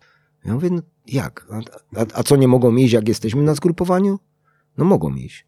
No przecież się wy, wy, wiadomo, że to hotele jest, mimo że ma te powiedzmy ochronę i to, no ale przecież jak będą chcieli, no my takim akurat w 90 latach. No, ja to przeżyłem, dlatego mówię o tym, bo ja to przeżyłem. Jeżeli nakazy, są nakazy i się wywozi, to jest to bez sensu. To mówię, o, omal nie, nie spadli z krzesła. No i co się stało? Nic się nie stało. Przyjeżdżaliśmy, wyspali się we własnych domach, pomogli swojej rodzinie, usiedli sobie, nie wiem, z winkiem, z piwkiem, wieczorem ze swoją żoną, z kolegami, pogadali, bo to musisz mieć, a później się spotykaliśmy na obiedzie, później już mieli lekki odpoczynek, e, odprawa, 10 minut odprawy, do widzenia. I zaczęliśmy grać. Tak samo było przed, y, przed meczami. No, było wiele meczów, że nasi przeciwnicy wychodzili na rozgrzewkę, 40 minut rozgrzewki, czy tam 30 minut. No, my byliśmy, pobawiliśmy się trochę piłkami w salce, wychodzili trochę na, na 5 minut, pograli w dziadka na murawie i wracali z powrotem. To wszyscy mówili, trenerze, no jak to, bez rozgrzewki? No, no, piłkarz nie potrzebuje mówię, nie potrzebuję być mentalnie, mentalnie, razy mentalnie taki, nie wiem jak to, jak to powiedzieć, ale nie potrzebuje tej, tego ekstra stresu, raz, że wychodzi na murawę, że tam rozgrzewa się, biega. A ja miałem taki, zrobiłem research taki, e, jak się research? Research po polsku okay. chyba brzmi tak Także samo. research taki zrobiłem, że wyobraź sobie, że na podstawie właśnie finału Pucharu UEFA Sevilla i Dynamo Kijów chyba. Albo Dnipro. Dniepro, Dniepro tak. I zrobiłem właśnie taki research właśnie na, na podstawie jednych z tych, z tych meczów. I okazało się, że grając mecz i wychodząc na rozgrzewkę, biegając tam jak oni ci, ci Ukraińcy biegali, tracisz około dwóch, dwóch kilometrów. Dwóch czy trzech kilometrów było wtedy. Tak mi się wydaje. Nie pamiętam dokładnie. Ale w każdym razie, że jeżeli grasz mecz i biegasz 10 kilometrów w ciągu meczu, tak, że czasami tych dwóch kilometrów ci zabraknie, to po co czas, tracić czas na rozgrzewkę, skoro, skoro możesz to zaoszczędzić i, i, i, i wydobyć to z siebie w czasie ostatnich minut meczu, gdzie potrzebujesz wygrać mecz. I, i kilka, jak nie kilkanaście meczów właśnie wygraliśmy, wygraliśmy tym, że byliśmy, mieliśmy więcej tlenu w płucach. Mieliśmy więcej siły i dynamiki w ostatnich minutach meczu. Także no są, mówię, różne, różne szkoły, ale w tym, w tym wypadku mi się to sprawdzało. Trenerze, tak fajnie nam się tutaj dyskutuje, zresztą ja się zamieniłem w słuch na początku audycji, e, no i chyba to była dobra decyzja z mojej strony, e, ale jesteśmy cały czas w tych obszarach umiejętności miękkich, e, w tych relacjach, zaufaniu, treningu mentalnym, a ja mhm. bym jeszcze tytułem końca nawiązał do taktyki, bo powiedział pan, że system 1352 jest stylem życia. O co mhm. tutaj chodziło? No jest stylem życia, to jest, to jest styl 352, o którym no nie możesz, nie możesz przestać myśleć. Czyli do każdego treningu, który jest, musisz mieć w głowie system, którym grasz. My zmienialiśmy te systemy. Taki, który najbardziej nam odpowiadał, powiem ci, że było 3, 2, 4, 1. Czyli miałeś trzech obrońców, dwóch defensywnych pomocników, których jeden był taką, takim, tak jak teraz, podobnie jak Dania gra, coś takiego. Mhm. Bo jeden z nich wchodził, czy Anglia, jeden z nich wchodził w tą, w tą lukę, jeśli jeśli lewy bądź prawy, ja nazywam ich markerem, czyli pomiędzy tych skrajnych w, w trójce, musiał zejść do boku, to środkowy pomocnik musiał wejść do, do linii obrony asekurować. i asekurować. Mhm. Tak, także to miałem jednego, który, który asekurował, a drugi był taki, który był z jednej bądź z drugiej strony, no i na dwóch, na dwóch e, rozgrywających takich ofensywnych, no miałem wyśmienitych, bo i miałem Rafę Rafa, Rafał Wolski i Milos Krasic. Była para, która, która się rozumiała na bez, bez słów i, i mieli e, Seba też był, wcześniej grał, Sebastian Mila grał z, z Miloszem i też wypełniał tą swoją rolę fantastycznie. A, także no miałem tych rozgrywających wysokiej klasy, tą czwórkę, która z jednej strony zabezpieczała mnie, a z drugiej strony była na tyle kreatywna, że no praktycznie z każdej akcji tylko czekałeś, kiedy oni, kiedy oni zaczną powiedzmy to wprowadzać. Z drugiej strony 352 jest systemem, który no, jest bardzo um, taki ekspansyjny, powiedziałbym, jeśli chodzi o grę do przodu. E, kiedyś zagrałem na Legii, co miało wielu do mnie pretensji, 3-6-1, czyli sześcioma ofensywnymi zawodnikami bez szóstki, bez ósemki. Wszyscy byli ofensywni, Krasic, Hrapek, Sebastian Mila, Michał Mak, e, nie wiem, było, mówię, aż to nie było dla Staszka nawet Czerczesowa, do dzisiaj chyba jest wielką krzyżówką, jak, jak, jak ja to zagrałem. Ale, ale uważam, że też jest to system, który jest, no, musisz być fizycznie do tego przygotowany. My robiliśmy z Michałem Czeskim, który wykonał fantastyczną pracę, jeśli chodzi o przygotowanie ich tlenowe, bo ten system jest oparty właśnie na podbudowie tlenowej przede wszystkim. No nie możesz chodzić w tom i z powrotem przez 90 minut, musisz mieć czas na odpoczynek, musisz mieć czas na to, żeby przygotować akcję, musisz mieć czas na zbudowanie tej akcji i my to, my to robiliśmy powiedzmy już w grach treningowych, w czasie treningu, że staraliśmy się zwrócić, Michał szczególnie starał się zwrócić uwagę e, na czas odpoczynku, ile potrzebujemy czasu na odpoczynek i to... w grach to realizowaliście, nie w dodatkowych jakichś No, no, no, biegach. w grach tylko. Mhm. Tylko i wyłącznie w grach i, i muszę przyznać, że ja to wziąłem ze swojego doświadczenia z Monachium, bo ja byłem podobnym zawodnikiem grającym w takim systemie 3-5-2, mieliśmy inne trochę założenia, ale jeśli chodzi o, o powrót, jeśli chodzi o, o tą, ten odpoczynek, y, to było to bardzo ważne. Oni zminimalizowali, dostałem taki specjalny program, w którym oni doszli do wniosku, że jeżeli złap, wezmę piłkę i zrobię z nią raj 30-40 metrów, później muszę na swoją pozycję wrócić, że potrzebuję około było chyba 2 minuty 15 sekund na to, żebym złapał trochę tlenu i na nowo później tą piłkę przetransportował do ataku. Więc oni chcieli to zminimalizować. Dostałem taki program, który pozwolił mi na to, że około minutę 20 już byłem gotowy do. Prawie minutę mi zmniejszyli, zmniejszyli ten czas okres. Restytucji, tak, tak, czas restytucji. A z Michałem zrobiliśmy w ten sposób, no, sprawdzaliśmy przy, każdych, e, przy każdym ćwiczeniu, wy, na, byliśmy, graliśmy na bardzo wysokiej intensywności w treningu, z tego względu, że ja uważam, że trening, trening jest, e, trening powinien być tak intensywny, że gra w czasie meczu powinna być dla ciebie przyjemnością. Także ten trening był bardzo intensywny, i doszliśmy do wniosku, że nasi piłkarze potrzebują pomiędzy 25, 28 do 30 sekund odpoczynku. Czyli jak idziemy na pressing, mhm. to ten pressing jest pach, pach, pach, pach, jeden za drugim, bo to robiliśmy na, na, na, na, na boisku z tablicami. Mieliśmy to krótkie, ale bardzo intensywne ćwiczenia.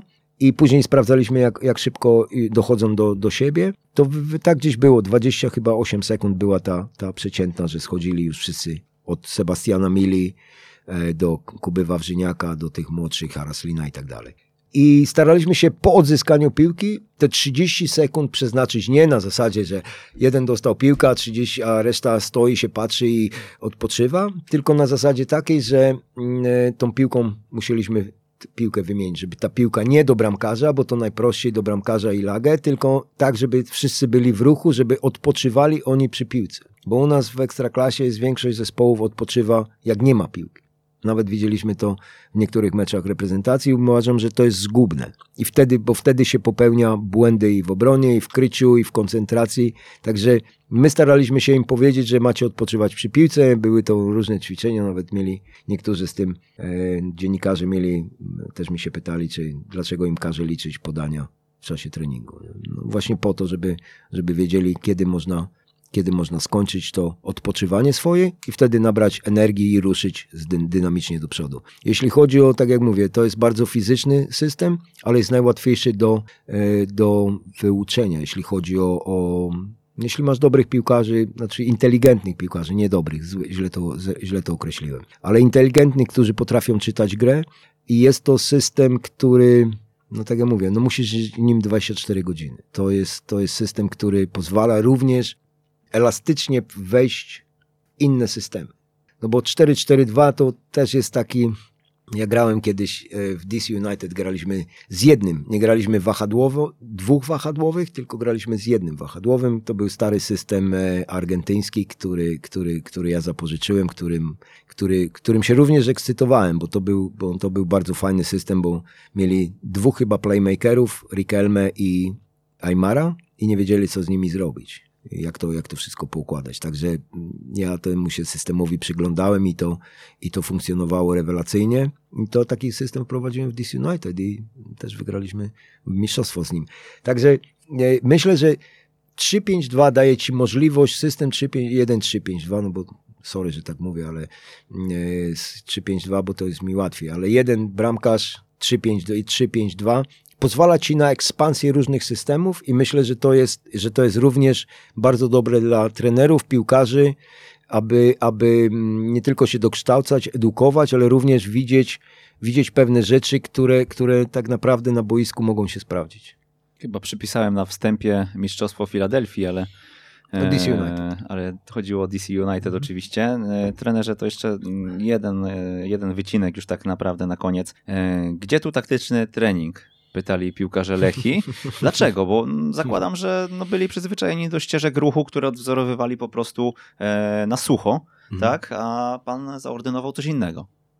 No, tak jak powiedziałem, musisz starać się wydobyć od nich, żeby oni podejmowali decyzje. Ja mogę tylko pokazać. Ja mówię, my staramy się i to obserwuję już od wielu, wielu lat, że i w reprezentacji, i czasami w klubach, e, trenerzy starają się na nowo odkrywać piłkę nożną, pokazywać piłkarzom, którzy mieli już 10, 12 czy 5 trenerów, pokazywać im, jak piłka nożna powinna wyglądać. Ja uważam, że jak ja przychodziłem do, do klubu, to zawsze im mówiłem, słuchajcie, my mieliście, wy mieliście już wielu, wielu trenerów, wiecie, jak piłka powinna wyglądać, macie takie inne, mówię, macie spojrzenie już na piłkę. Ja was nie chcę uczyć grać w piłkę.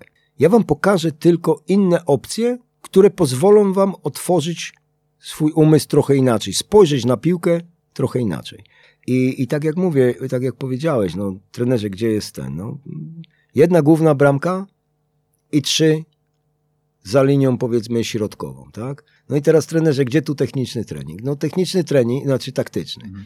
No jeżeli masz tą jedną bramkę zablokowaną, masz tam dwóch, trzech obrońców, no to masz jeszcze dwie, do strzelenia, czyli piłkę do boku, do tyłu, do przodu, bo ja bardzo lubię grać z tymi schodami i masz opcję. Przeniesienie ciężaru, tak? No masz, musisz to zrobić bardzo szybko, tak? No wiesz, no, ja mówię, kiedyś, e, jeśli chodzi o posiadanie piłki, posiadanie piłki wziąłem od trenera, to moja taka, mówię, skopiowana, może nie skopiowana, ale taka wyjęta z doświadczenia, od trenera Maturano, który był trenerem prezentacji Kolumbii. I to też sprawdzało mi się w kilku, w kilku e, klubach bardzo fajnie. Wiesz, kiedy była największa walka o piłkę?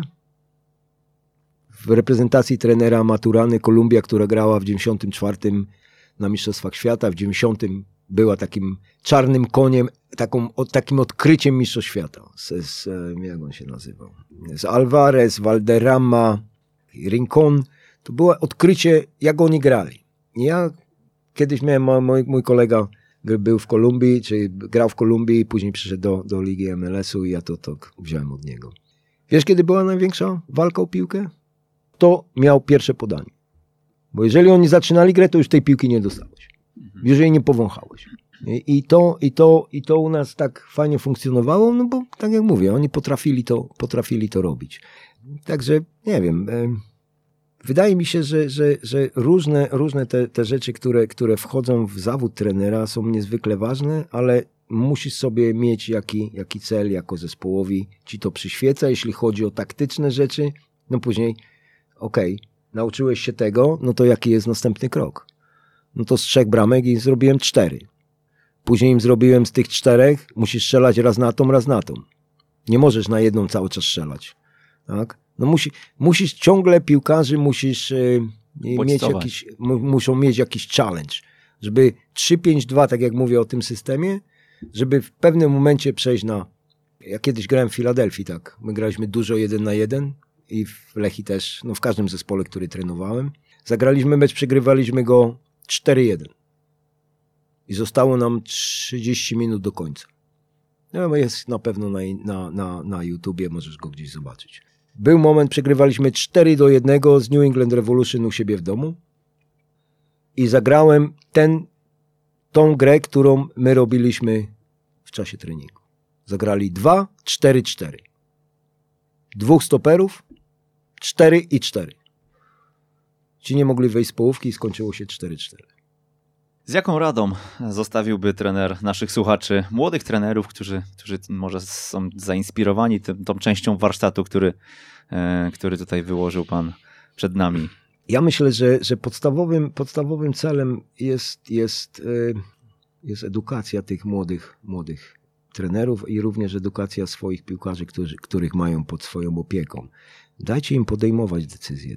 Każdy z nich musi być sobą, jeśli chodzi o o piłkarzy, młodych adeptów piłkarskich, bo, bo uważam, że jeśli w każdym zagraniu, czy po każdym zagraniu e, ten młody chłopiec będzie patrzył na ławkę, trenerze dobrze zrobiłem i, i, i, szukał potwierdzenia swoich umiejętności, on nigdy nie będzie pewny siebie, nawet jak dorośnie. On nigdy nie będzie miał tej świadomości, że okej, okay, to potrafię, to potrafię, tego nie potrafię. Ja jako młody piłkarz nigdy miałem ojca, który był bardzo surowy, jeśli chodzi o piłkarskie walory, bo on wiedział, zdawał sobie sprawę tak samo jak ja, jaki, jaki miałem talent, ale, ale nie, było, nie było w naszym życiu czegoś takiego, żebym spojrzał na niego zapytał, o, dobrze zrobiłem? On mi, on mi uświadomił, mój ojciec niestety nie żyje już, ale uświadomił mi pewną rzecz, że nawet jakbym widział, że tej piłki nie mogę zagrać i ona tam nie dojdzie, gdzie może dojść, zagraj, nie bój się. Jeżeli masz dribbling, wchodź w ten dribbling. No, słyszę cały czas podaj, podaj, podaj, podaj. No, jeżeli nie będziemy mieć, no, reprezentacja Niemiec jest tego najlepszym przykładem i przypuszczam, że oni to, oni to z, w najbliższej przyszłości to zmienią, jeśli chodzi o sposób ich grania. To było dobre przy tiki-tace 7 lat temu, to już się skończyło. Granie piłką, e, powiedzmy to podania, to już nie ma. Teraz akcje, które są, trwają 10, 15, 20 sekund na pełnej szybkości, nawet jak to, ten atak przygotujesz i, i, i to musi być zmiana tempa, ta dy, dynamika. Ja myślę, że naszym piłkarzom te obostrzenia, powiedzmy, trenerskie, tak, zrób to, zrób tamto, tego nie rób, to rób, to jest najgorsze, co może być i od tego was od nie róbcie Odradza. tego. Odradzam, Odradza bo, bo, bo myślę, że to wpływa również na młodych adeptów, jeśli ma się ciągle jakiegoś bata nad sobą i, i, i staranie się pokazać nie sobie, tylko pokazać czy swoim rodzicom, czy swoim trenerom, czy opiekunom, że o tak, jestem teraz dobry, bo to zrobiłem, bo tamto. Nie. To musicie mieć z tego sami satysfakcję, jeśli zrobicie coś niekonwencjonalnego, jeżeli zrobicie dribbling. Ja miałem taką satysfakcję, jak kiedyś graliśmy, no, dawno temu, ale graliśmy taki mecz w Kaiserslautern, który byłem, którym nie, nie grałem w pierwszej drużynie i, i z tego powodu odszedłem stamtąd. On był, Kaiserslautern był wicemistrzem Bundesligi. I wysłali mnie do grania w trzeciej lidze, czyli Regionalliga, tak? trzecia liga, regionalliga. Na jakiś mecz, żebym zagrał, tam kilku było kontuzjowanych, wracali do składu i chcieli, żebym ja tam pojechał. I to graliśmy z jakąś dobrą drużyną, która była w czubie. Prowadziliśmy chyba 2-0, po nam strzelili zaczęli e, e, e, Nowak, te, te, te, Bundesliga. No i tak się wkurzyłem, że jak zabrałem piłkę, to przedryblowałem ich 10 plus bramkarza i strzeliłem bramkę. To była jedna w mojej życiowej, powiedzmy, w życiu, gdzie przedryblowałem wszystkich. Czego życzyć? 20 sekund mamy. Czego życzyć Piotrowi Nowakowi na najbliższy czas? Zdrowia i odpoczynku. Do tego życzymy, e, życzę ja i życzę e, w imieniu całej redakcji oraz e, naszych słuchaczy. Myślę, że kawał, kawał warsztatu i dużo fajnych, konkretnych hmm. informacji ze szczytu. Cieszy to podejście, o którym tutaj często rozmawiamy, a które nie zawsze jest traktowane poważnie, myślę. Fajnie, że mm, takie osoby jak pan gdzieś kolportują wiedzę właśnie o umiejętnościach miękkich w takim właśnie ujęciu i, i, i w taki sposób rozumiane. Piotr Nowak, dziękujemy bardzo. Dzięki bardzo. To był 142 odcinek Jak uczyć futbolu. Przemysław Mamczak, do usłyszenia. Jeżeli spodobał Ci się ten odcinek i wspólnie z nami chcesz podnosić poziom szkolenia w Polsce, o istnieniu podcastu Jak uczyć futbolu poinformuj jednego znajomego trenera, którego takie treści mogłyby rozwinąć. Z góry pięknie Ci za to dziękujemy i raz jeszcze do usłyszenia.